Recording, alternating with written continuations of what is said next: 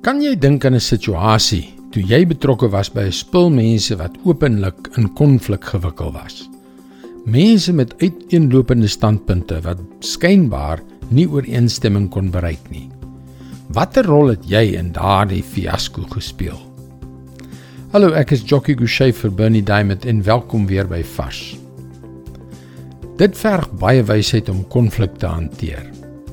Party mense hardloop weg en vermy die konflik, maar dit laat situasies onopgelos en dit laat wonde wat nie genees nie. Ander mense rol hulle moue op en duik kop eerste in. Soms wen hulle, soms verloor hulle, maar oor die algemeen laat dit verhoudings en hulle reputasie aan flarde. Nee, om konflik te hanteer vereis ongewone wysheid. Ons lees in Jakobus 3 vers 17.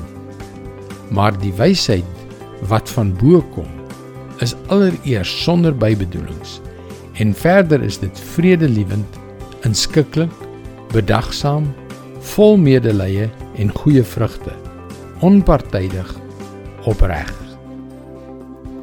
Dit is nogal 'n stewige lysie, né? Die wysheid wat God ons wil gee, behels suiwer motiewe en 'n prysinswaardige geaardheid. Dink net hoe anders jy konflik met hierdie soort wysheid sou hanteer. Stel jou voor hoe jy konflik sou benader met 'n opregte begeerte om diegene in die moeilikheid met 'n gesindheid van regverdigheid en eerlikheid te help.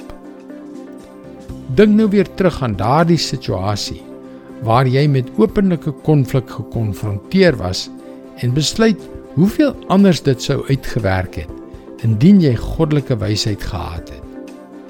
Ja, ek weet dit is nie maklik as jy op die slagveld is nie. Maar weet jy watter wonderlike ervaring dit is wanneer jy 'n godvreesende persoon met sulke ongewone wysheid raakloop? Ongelukkig is sulke mense baie skaars.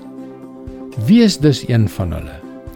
toon te midde van konflik aan die wêreld die ongewone wysheid van God. Dit is sy woord vars vir jou vandag. Dis nou die soort wysheid wat ons begeer, né? Gaan gerus na ons webwerf varsvandag.co.za waar jy baie opbouende vars boodskappe sal kry. Mooi loop. En luister weer môre na jou gunstelingstasie.